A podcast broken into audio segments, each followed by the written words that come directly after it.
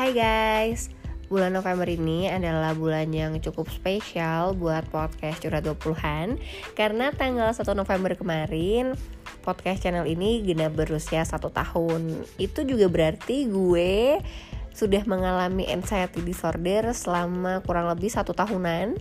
Karena anxiety disorder inilah yang menjadi awal gue memulai podcast channel ini.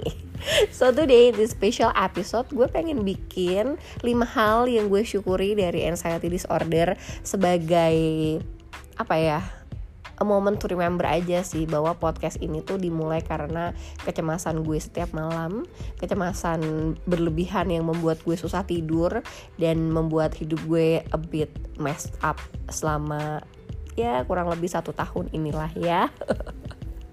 But anyway, gue selalu mengingatkan kepada kalian setelah kesulitan ada kemudahan, begitu pula anxiety yang gue alami. Memang tiga bulan pertama tuh gila banget sih. Tapi pelan-pelan dari situ gue belajar banyak hal sehingga apa ya setelah gue merasa baikan kayaknya gue bisa melihat masalah ini tuh dengan lebih clear dengan mendapatkan sedikit hidayah ya. Kayak akhirnya gue bersyukur gitu mengalami anxiety disorder. Karena ada banyak hal yang gue dapetin dari mental illness ini and I hope you guys yang memiliki permasalahan yang sama not give up. Um, jangan pernah apa ya merasa diri lo kecil karena Tuhan tuh gak akan pernah kasih lo masalah yang gak bisa lo selesaiin. Dan setiap masalah yang datang kepada lo pasti deh satu saat membuat lo jadi orang yang lebih baik lagi daripada sebelumnya. And I think it happened to me. So today special episode ini hmm, sebagai momen untuk mengingatkan diri sendiri bahwa masalah apa pun dalam hidup kalau kita dengan apa ya menanganinya dengan cara yang tepat bisa mendatangkan hal yang positif dalam hidup kita juga. So, welcome back to my podcast Curhat 20-an with Mega Agnesti.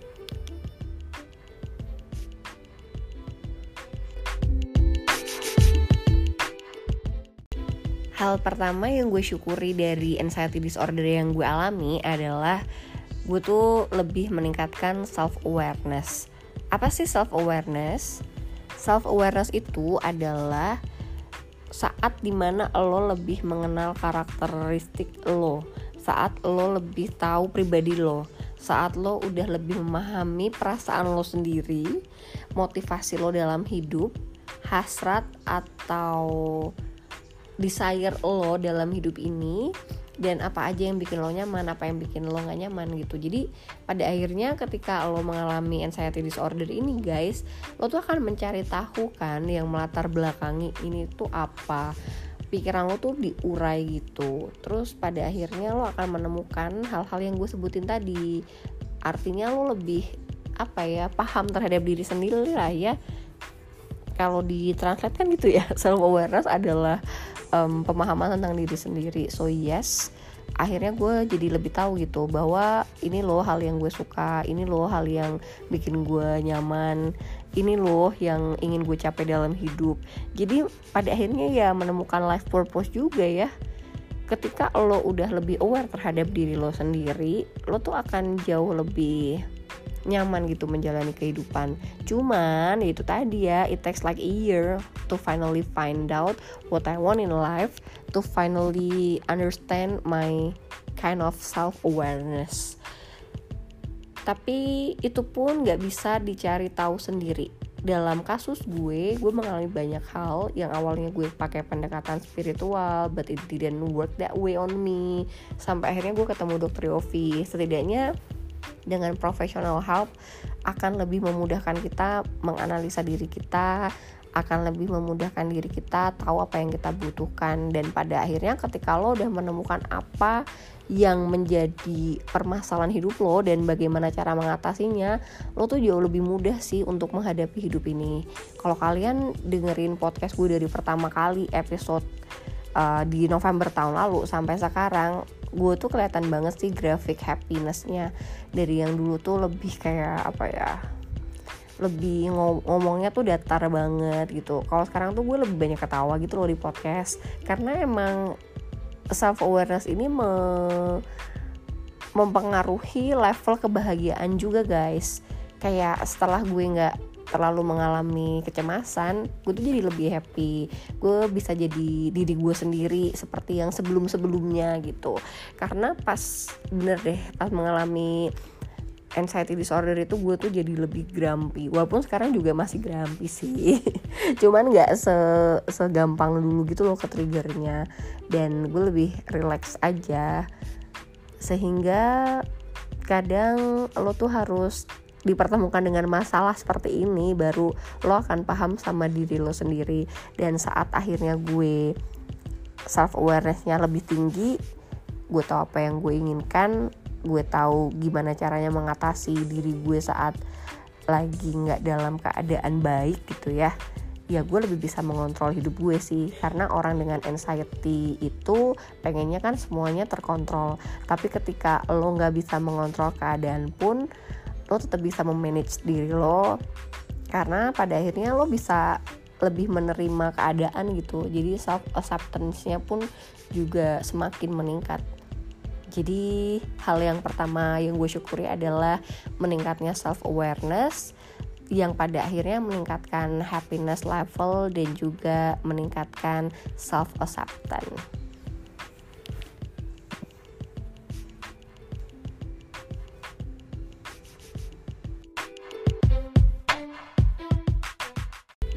yang kedua karena gue tuh takut mati ya anxiety gue tuh takut mati guys jadi pada akhirnya gue lebih menghargai waktu sih. Kayak gue tuh punya pemikiran bahwa gue tuh di dunia ini hidupnya sementara ya. Jadi gak usah buang-buang waktu untuk hal yang gak penting. Gak usah mencemaskan hal-hal gak penting. Gak usah mempermasalahkan hal-hal gak penting. Dan setiap hari tuh pikiran gue adalah if it's uh, the last day of my life I need to make sure that this is a special day for me. Jadi setiap hari gue selalu live my life to the fullest. Dan pada akhirnya kayak gue tuh melakukan apa pun yang gue inginkan gitu. Jadi misalkan nih guys kalau dulu kan selalu berpikir nanti ah liburannya kalau misalnya gue udah punya uang sekian gitu. Sekarang kayak gue lebih spontaneous aja sih. Jadi kalau gue lagi pusing gue stres gue lagi pengen liburan dan I go for it gitu loh. Kalau misalnya apalagi ya jadi gue nggak banyak menunda hal-hal yang gue inginkan sih. Kalau gue suka akhirnya langsung gue jalanin. Karena itu tadi ya gue jadi lebih menghargai waktu gitu. Kalau misalnya gue kayak juga kangen orang tua gue gitu ya gue akan go for it. Karena gue nggak pernah tahu kan waktu gue sama orang tua tuh akan seberapa banyak. Belum tentu orang tua gue yang akan meninggal duluan. Bisa jadi kan gue yang mati duluan gitu. Jadi pada akhirnya dengan memahami bahwa hidup itu cuma sesaat lo kayak pengen make the best out of it dan lo nggak perlu orang lain untuk membuat lo happy gitu. Dengan kesadaran ting- diri yang tinggi itu tadi dan lo ngerasa waktu lo juga singkat di dunia ini. So all I wanna do is make myself happy. All I wanna do is make my dreams come true. Dan semuanya itu kalau cuma diandai-andaikan ya nggak akan terjadi kan. So ya yeah, dream big and start from a very small step karena paham waktu yang kita miliki sesaat jadi lo pengennya melakukan banyak hal uh, ketika lo punya sedikit waktu ini kan. Jadi pada akhirnya lo kayak gimana caranya semua yang lo inginkan dalam hidup bisa kesampaian dan ketika you are in a deathbed lo tuh kayak gak akan menyesal dengan hidup yang sudah lo alami. Itu sih yang gue pikirin selama ini dan ya finally kayak ketika gue ngeliat ke Instagram orang pada liburan daripada gue cuma pengen ya udah kenapa gue nggak jalan? As simple as that.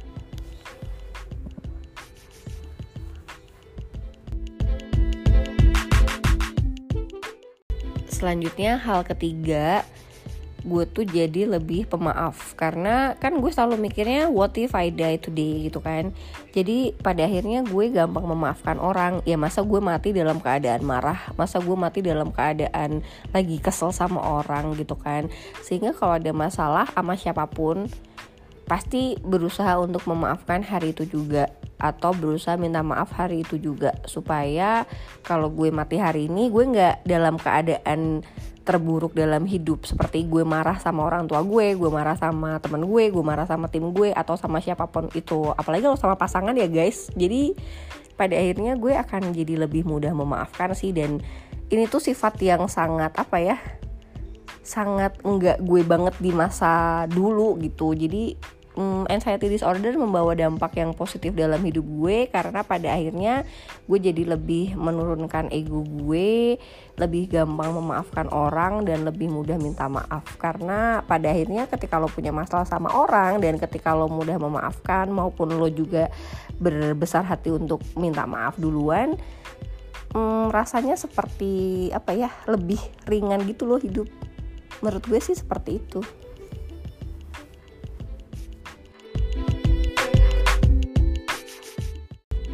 pada akhirnya ketika gue mengalami anxiety disorder gue tuh jadi memiliki curiosity tentang life purpose gue. Karena waktu gue nonton film Mad Men itu bener-bener trigger banget sih. Ketika ada pertanyaan if I'm not working who am I? Karena emang gue tipikalnya kan suka kerja banget ya guys. But once gue nggak memiliki pekerjaan once gue nggak attached to any position di kantor ya misalkan gue jobless lah nggak ada title apa pun dalam hidup gue sebagai seorang pekerja gitu. Who am I? Gue siapa? Nah pertanyaan itulah yang membuat gue melakukan pencarian tentang siapa sih gue? Siapa sih Mega tanpa title pekerjaan? Siapa sih Mega ketika tidak ada attachment terhadap manusia lain. Kayak misalnya anaknya bokap gue gitu atau pacarnya siapa gitu. So pencarian siapa gue ini akhirnya memperkaya diri gue juga sih. Karena gue ketemu sama orang apa ya bisa gue bilang gue ketemu sama orang yang secara reguler bukan merupakan tipikal temen gue. Gue kan tipenya anak pekerja ya jadi ya kebanyakan teman-teman gue ya pekerja juga gitu bahwa ambisi kita tuh sama kayak dalam karir tuh kita pengennya suatu hal berjalan dengan kesempurnaan sesuai standar kita gitu kan. Terus akhirnya lo akan naik jabatan lo akan mendapatkan promosi dan big achievement the office gitu. Tapi itu tadi ketika pertanyaannya adalah if I'm not working who am I? Gue jadi pengen bertemu orang-orang yang secara dari luar tuh nggak kelihatan punya kerjaan gitu. Akhirnya waktu gue pergi ke beberapa tempat untuk traveling kayak Tuhan kasih jalan.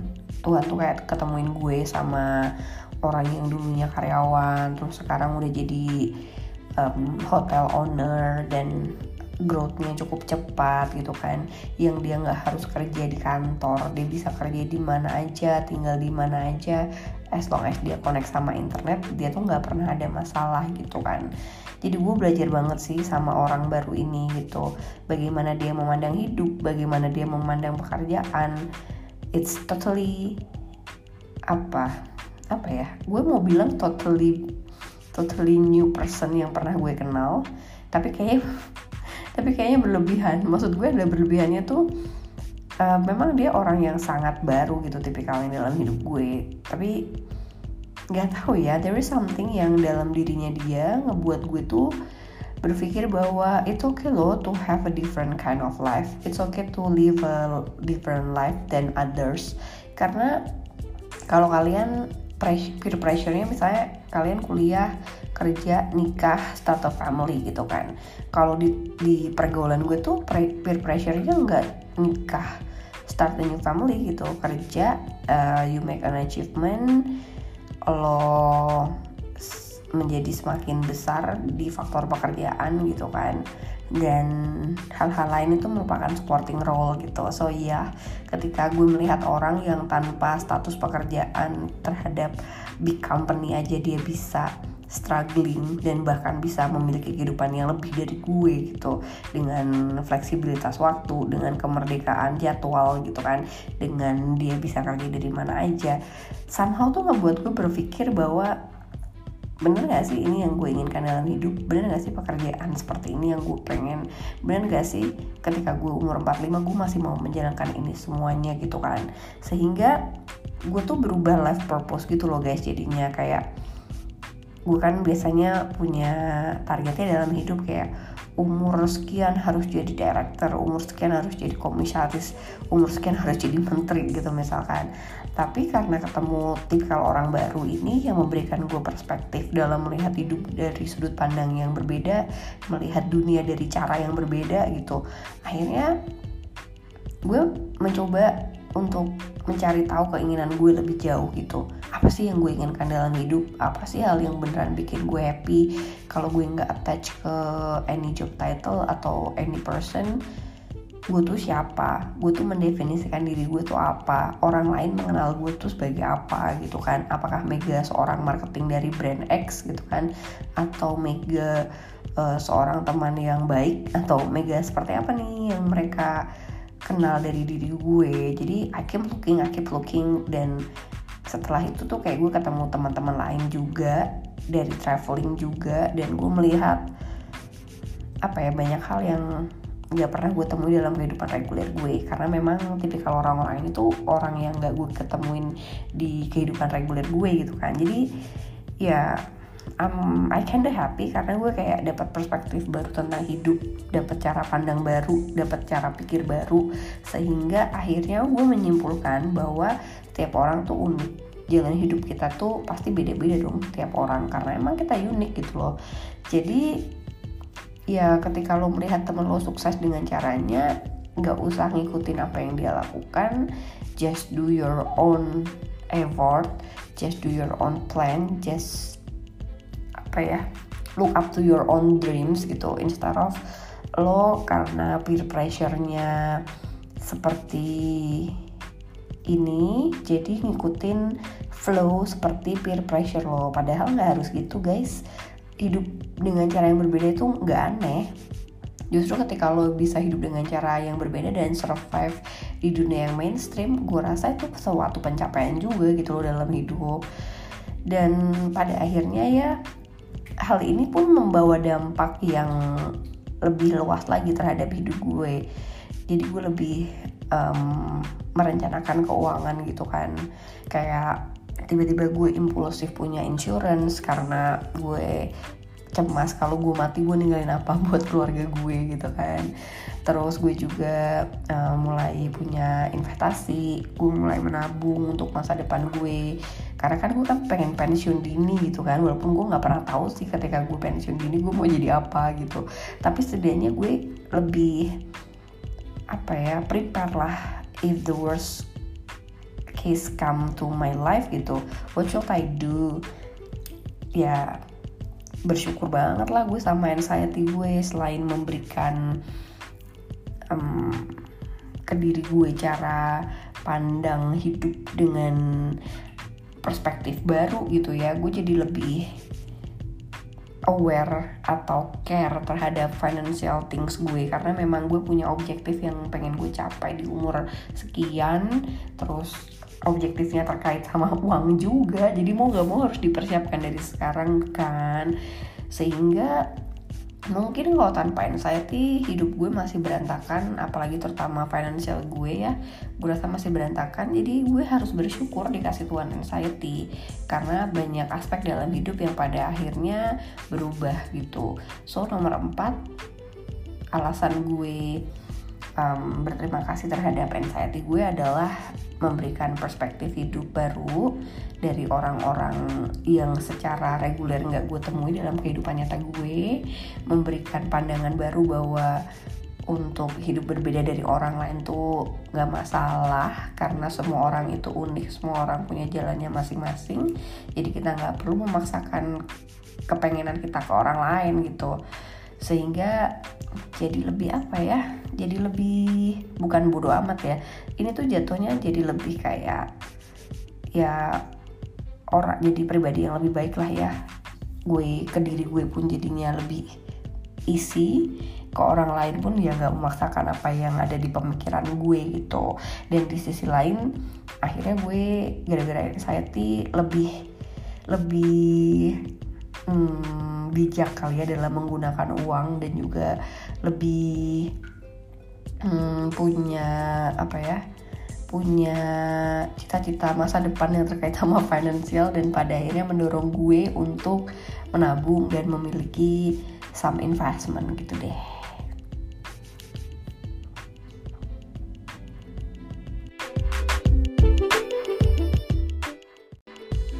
Hal yang terakhir mungkin terdengar klise, tapi beneran deh, anxiety disorder gue ini malah merasa membuat gue bermanfaat untuk orang lain.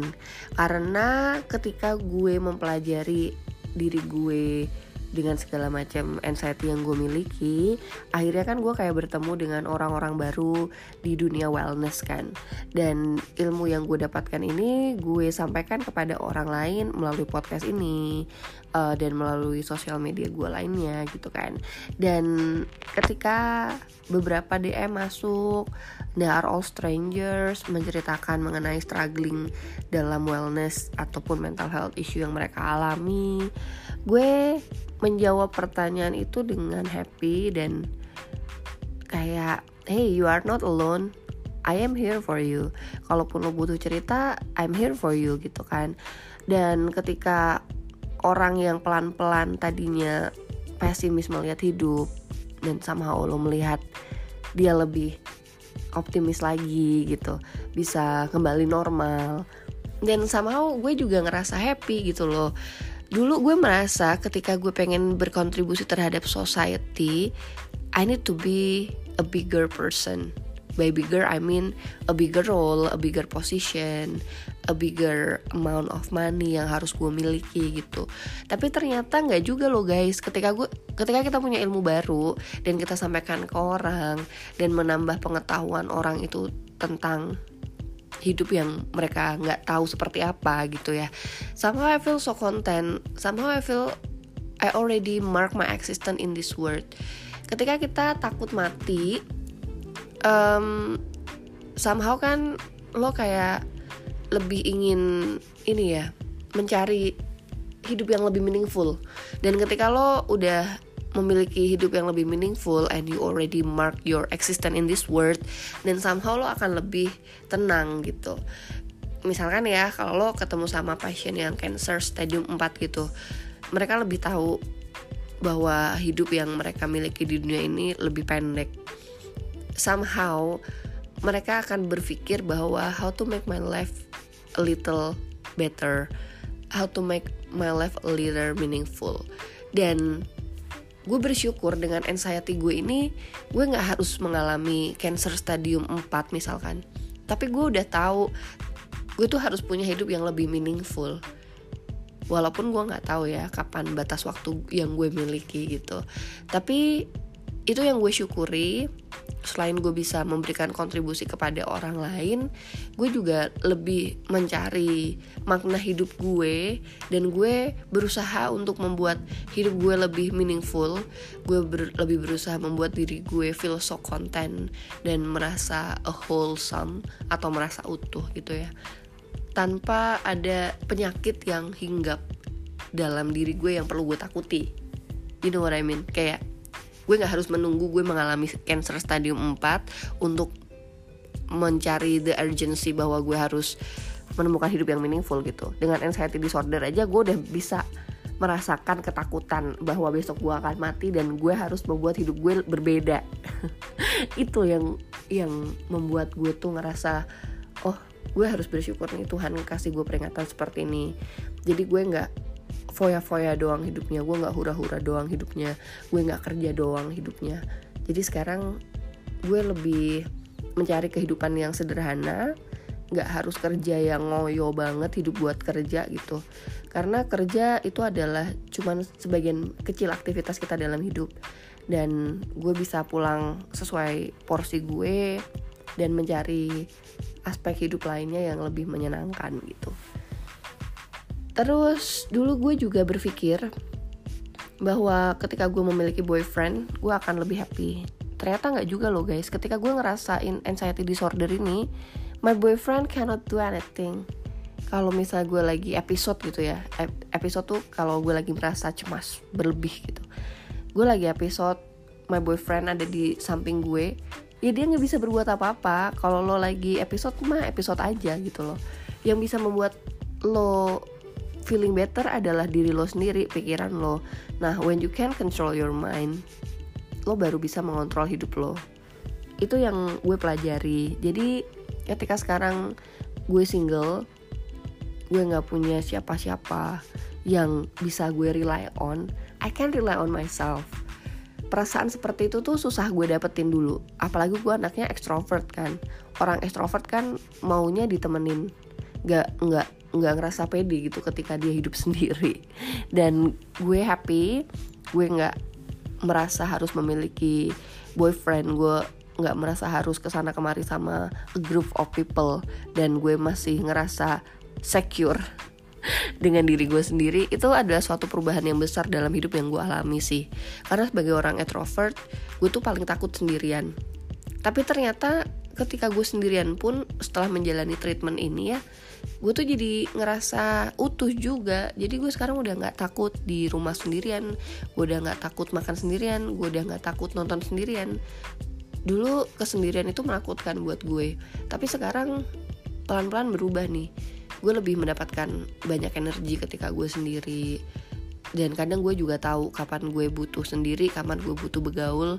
Uh, dan karena memang gue nggak perlu orang lain untuk merasa diri gue utuh jadi gue nggak throw myself into a meaningless dating gitu. Apalagi kalau kayak kita ngomongin dating uh, sometimes you are dating around just to make you feel better supaya lo nggak feeling lonely.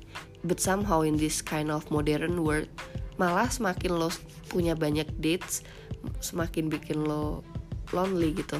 Itu akan kita bahas di episode selanjutnya ya um, tapi sekarang gue bisa bilang ketika gue lebih merasa konten dan ketika gue merasa gue bisa mark my existence in this world dan berkontribusi terhadap society gitu ya gue merasa diri gue lebih wholesome lebih utuh dan hidup gue pun lebih meaningful.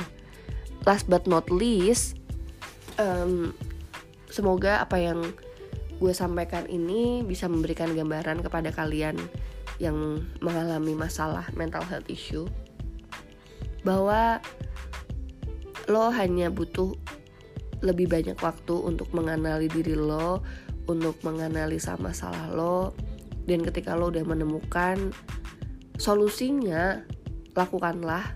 Kalau lo butuh professional help, lakukanlah. Karena lo butuh orang lain gitu untuk lebih paham tentang masalah yang lo hadapi. Jangan pernah menyerah. Karena sayang banget kalau lo menyerah pada keadaan padahal sebenarnya lo bisa membuat hidup lo tuh lebih baik lagi dengan melakukan perawatan yang tepat I am still here for you if you need any help if you need someone to talk to dan semoga apa yang gue alami uh, rasa syukur yang gue dapatkan dari anxiety disorder ini juga bisa kalian alami juga dalam waktu dekat. And yeah we still we still keep supporting each other aja. Good night